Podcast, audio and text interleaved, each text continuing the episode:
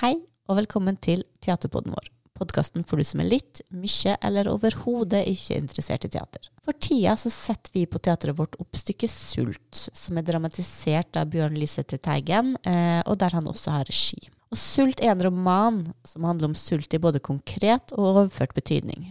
Og i denne forestillinga er sult også en tilstand. Det er, altså, det er en beskrivelse av en utslitt mann som i møte med omverdens krav om normalitet, altså et hjem, ei seng, litt mat og en jobb. Og teater har jo en viktig oppgave i å lese klassikere med nåtidas blikk. Eh, og vi skal finne historier på ny i vår tid. Så med den tanken, altså hva er sult i 2023, så beit vi på teatret vårt oss ekstra merke i en artikkel i Klassekampen som hadde overskrifta 'Hamsun og matkøene' skrevet av Mimir Kristiansson. Og der åpner han med å skrive at 'Sult' er en av de mest sjelesettende romanene som er skrevet på norsk. Men hva handler boka egentlig om? Derfor har jeg spurt Mimir om vi kunne ringe han opp for å høre litt mer om hans perspektiv på boka, og hvilken kontekst han vil plassere handlinga til i dag. Og for dem som ikke vet det, så er altså Mimir Kristiansson eh, stortingspolitiker for Rødt. Han er også journalist og forfatter. En av de mest kjente bøkene han har skrevet, heter 'Mamma er trygda', som handler om oppveksten med hans kreftsyke og langtidsuføre mor. Så da tror jeg bare tar og ringer Mimir nå, jeg.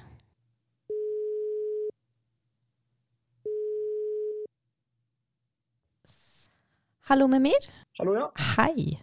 Du, altså under Ibsen og Hamsun-dagene i Grimstad i august så holdt du et foredrag eh, hvor du tok et oppgjør med den dominerende tolkning om at sult først og fremst handler om sjelesult, eh, og hvor du trakk ei linje til liksom, dagens økende matpriser.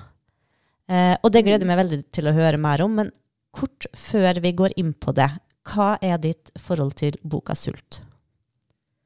Jeg leste boka 'Sult' uh, i en eller annen skolealder, så jeg hadde jo selvfølgelig et uh, negativt forhold til den. som jeg hadde til uh, Samme type forhold som jeg hadde til boken 'Gift' av Alexander Kielland, eller til Gunnlaug Ormstunges saga. Så jeg følte vel at det var noe man, ja, et slags pensum man måtte lese. og Dessuten forferdelig sjølmedlidende og sutrende fyr. det var jo, var jo, slitsomt, da. Men så leste jeg han på nytt i forbindelse Eh, ja, egentlig ikke av noen spesielt annen grunn enn at jeg ville lese den på nytt, som lå på hytta. Og da eh, ja, fikk jeg øynene opp for at, eh, at det jo er en veldig bra bok, og ganske annerledes enn en, den egentlig blir omtalt, syns jeg, av veldig mange.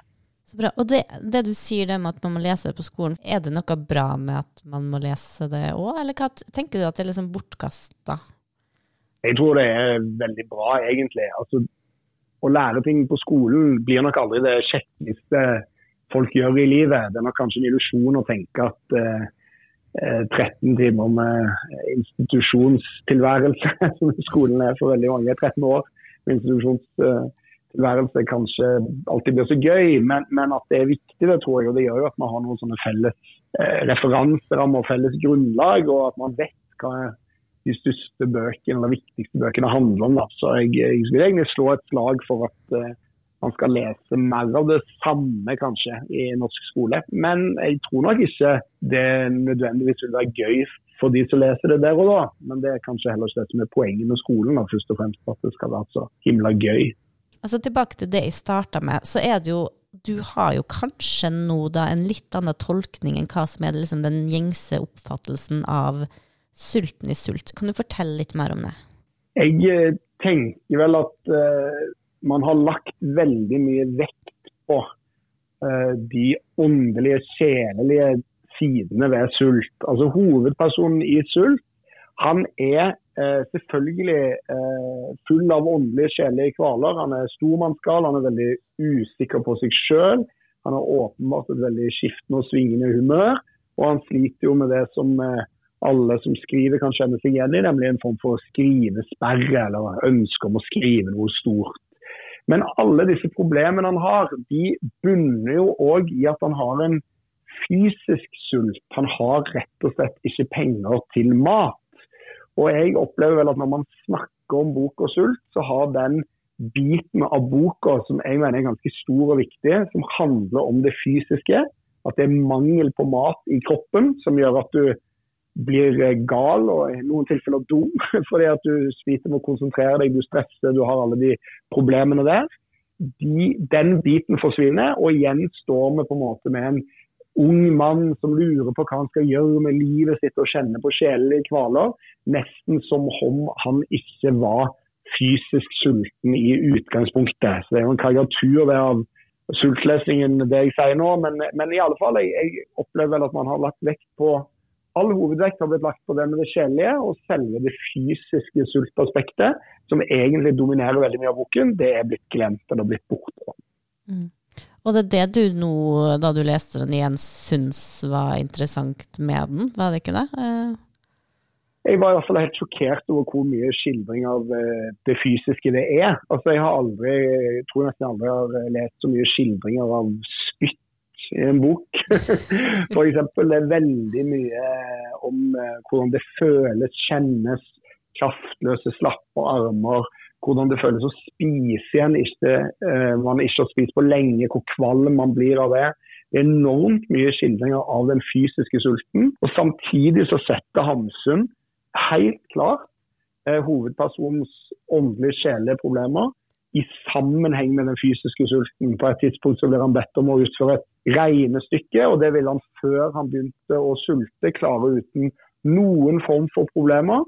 Mens han etter han har gått sulten i noen uker, overhodet ikke får til tallene bare danser foran øynene på han, og han klarer ikke å få til noen ting. Og da er vel hovedproblemet at han mangler mat i magen. Akkurat den skildringen av det regnestykket er for øvrig en veldig eh, forutseende skildring av den følelsen veldig mange folk føler når de må fylle ut et skjema på Nav. At noe som var veldig enkelt å fylle ut for, for, lenge siden, før de ble syke og, og, fattige, plutselig kan framstå veldig skummelt, komplisert og vanskelig å få til. Og så sitter vi som er friske og, og, ikke har problemer, og lurer på hvorfor alle disse menneskene kan være så dumme at de ikke klarer å fylle ut et skjema riktig. Mm. Og det er jo Jeg hørte akkurat noen snakke om at uh, hadde sett at, Mente at i Oslo så er det liksom de matkøene som er nå der, er liksom lengre enn noen gang. Uh, og man ser jo det med renta, at det er jo, det er jo et økende uh, problem her i Norge at faktisk folk er sultne. Ja, vi har jo en økende grad av eh, på en måte sult eller underernæring i Norge. Vi liker jo ikke så godt å bruke de ordene lenger, for vi er ikke så glad i å innrømme for oss selv at vi har alvorlig fattigdom også hos oss. Så Derfor så snakker man om litt sånn merkelige man får sånne merkelige nybegreper. Man snakker om matfattigdom. Eh, nylig så kom det en undersøkelse som viste at 150 000 husstander i Norge var såkalt mat usikre. Og Det betyr jo ikke at du er usikker på hva du skal spise, det betyr jo at du ikke har penger til alle måltider. Altså at du rett og slett hopper over måltider fordi du ikke har råd til all den maten du skulle ha hatt. Og Det handler både om å få i seg nok mat, men det handler selvfølgelig også om å få i seg ernæringsrik mat. Altså Sult eller mangel på mat, matmangel, da, er i alle fall et økende sosialt problem i Norge. Det rammer veldig mange, og matkøene vokser i alle norske byer. Og, og det apparatet sprenges. Og Da er det underlig, syns jeg, at kanskje en av de mest kjente romanene, for ikke å si nesten den mest kjente romanen Norge har frambrakt noensinne, den handler faktisk om å gå rundt og være sulten.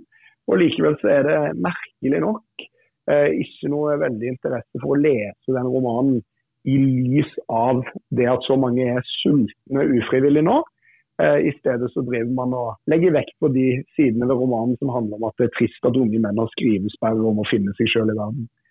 Du har vært inne på det, men hvis det er noe nå som bestemmer seg for å sette seg ned og lese boka eh, på nytt eller igjen, eller enda bedre, gå og se teaterstykket eh, som vi nå setter opp, har du noen slags liksom, tips til hva de kan se etter eller fokusere på for å sette det inn i liksom, kontekst året 2023? Og nå er jo altså Litteratur og teater er jo subjektivt, og det skal være subjektivt, men det kan hende at det er noen som syns det er liksom spennende å høre noen uh, hint eller tips fra du som er liksom godt inne i materialet nå. Ja, jeg ville sett etter sammenhengen mellom uh, den fysiske og den sjelelige sulten. I alle fall i romanen, og forhåpentligvis òg i stykket. Fordi at uh, Det er jo selvfølgelig en masse sjelelig sult her eh, en masse ubevisst sjeleliv og åndelige vansker. Men, men, grunnlaget for veldig mange av de problemene kommer av en materiell og fysisk sult. Og Det er det som på en måte gjør at han, hovedpersonen har så mange helt eh, crazy tanker, vrangforestillinger, alle mulige ting. Sånn at Det Hamsun er veldig god på, og dette er jo egentlig, Hamsun er jo ikke så langt ute på venstresida, så det er jo litt artig å, å, finne noe progressivt og sånn, men det han er ganske god på, da, er jo å på en måte vise hvordan det å være sulten og det å være fattig og påvirker sjelelivet ditt. da. Og Vi lever jo ikke bare i en tid der folk står i matkø, men vi lever også i en tid der det kommer veldig urovekkende rapporter om at det er en stor økning i psykiske problemer i befolkningen knytta til at folk sliter med økonomien. Og Det setter jo sult eh, egentlig veldig godt ord på. da, At når man er fattig og sulten, så blir man ikke eh, overskuddsprega og man blir ikke noe lysfontene av glede og gode påfunn. Man, eh, man, gjør tvert imot ofte dumme ting og tenker dumme tanker og, og sliter med å klare seg i hverdagen. Og Det eh, syns jeg den eh, boka gir veldig godt, et veldig godt bilde på, og det håper jeg at den forestillingen gjør òg.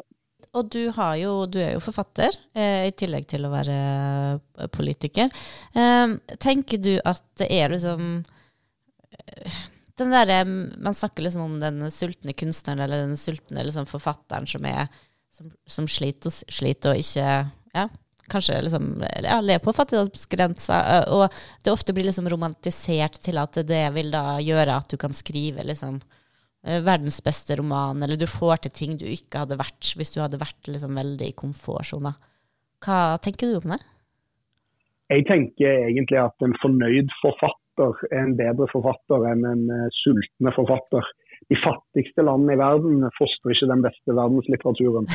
Uh, sånn at det er uh, feil, det bildet. Men det er klart at det er mange ulike måter å sulte på. Og det å være fattig student i to år, det er ikke det samme som å være fattig på ekte, selv om du ikke har penger. Mm. Sånn at eh, Spørsmålet her er jo om du når som helst kunne plukket opp telefonen og ringt foreldrene dine, eller om du faktisk ikke kan gjøre det. Eh, om du er sulten fordi du jobber med en karriere som en gang vil gjøre deg rik, eller om du er sulten fordi du rett og slett bare har tapt i livet og aldri kommer til å komme deg ut av det. Sånn at jeg, eh, jeg tror ikke noe på at sult verken i kunstnere eller i andre folk eh, bringer fram det beste eh, skaperkraften, det kreative, alle disse tingene. Og Det er jo egentlig poenget til Hamsun òg. Forfatteren hos Hamsun i Sult. Han får jo ikke til å skrive disse tingene sine, selv om han eh, aldri så mye prøver. Og det er jo bl.a. og særlig fordi han er sulten. Eh, sånn at eh, Hamsun har jo egentlig besvart litt det spørsmålet eh, at den sulten ikke er noen god motivator for de aller fleste. da. Helt til slutt, hvorfor er Sult verdens beste bok? Det, jeg mener ikke at Sult er verdens beste bok, så, så det, det, får være, det, får være, greit. Men uh, Sult er jo en uh, veldig viktig bok uh, i norsk sammenheng og i verdenssammenheng òg. Og det er han jo selvfølgelig også fordi at han skildrer mye av det ubevisste sjeleliv. Men også fordi at det kanskje er den viktigste boken, i hvert fall i norsk litteraturhistorie som handler om det å være sulten og det å mangle mat i magen. Og Det kan bli en eh, litterær erfaring som eh, jeg tror mange av oss kan ha bruk for i den eh, tida som kommer nå. Da.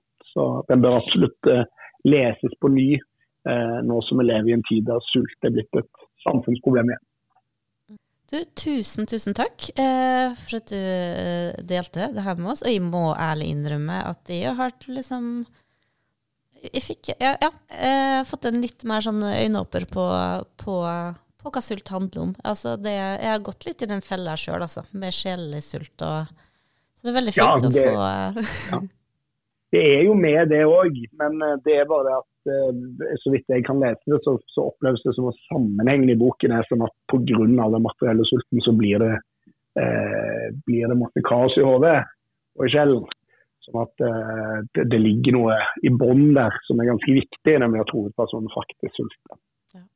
Og så er det det som er fint med eh, litteratur og teater og kunst, er at det er jo Man legger jo uh, seg sjøl uh, også i det man leser. Det er, nei, det er jo ingen tvil om at, om at hvis boka, når boka fortolkes i all hovedsak av folk som sjøl ikke har så mye sulterfaringer, så kan det jo hende. Men derimot har veldig mange erfaringer med å slite med å skrive ferdig en bok.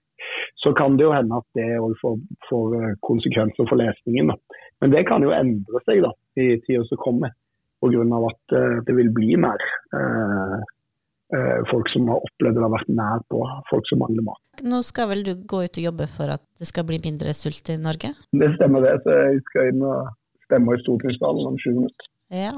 Hva skal du stemme? Det er jeg usikker på, men jeg får bare et ark. Trykker på noen klapper. det er ikke godt snakker som opplegg. Nei, men lykke til med det. Og så er du hjertelig velkommen da, til Molde for å se, se Sult. Ja, takk for det. Ja.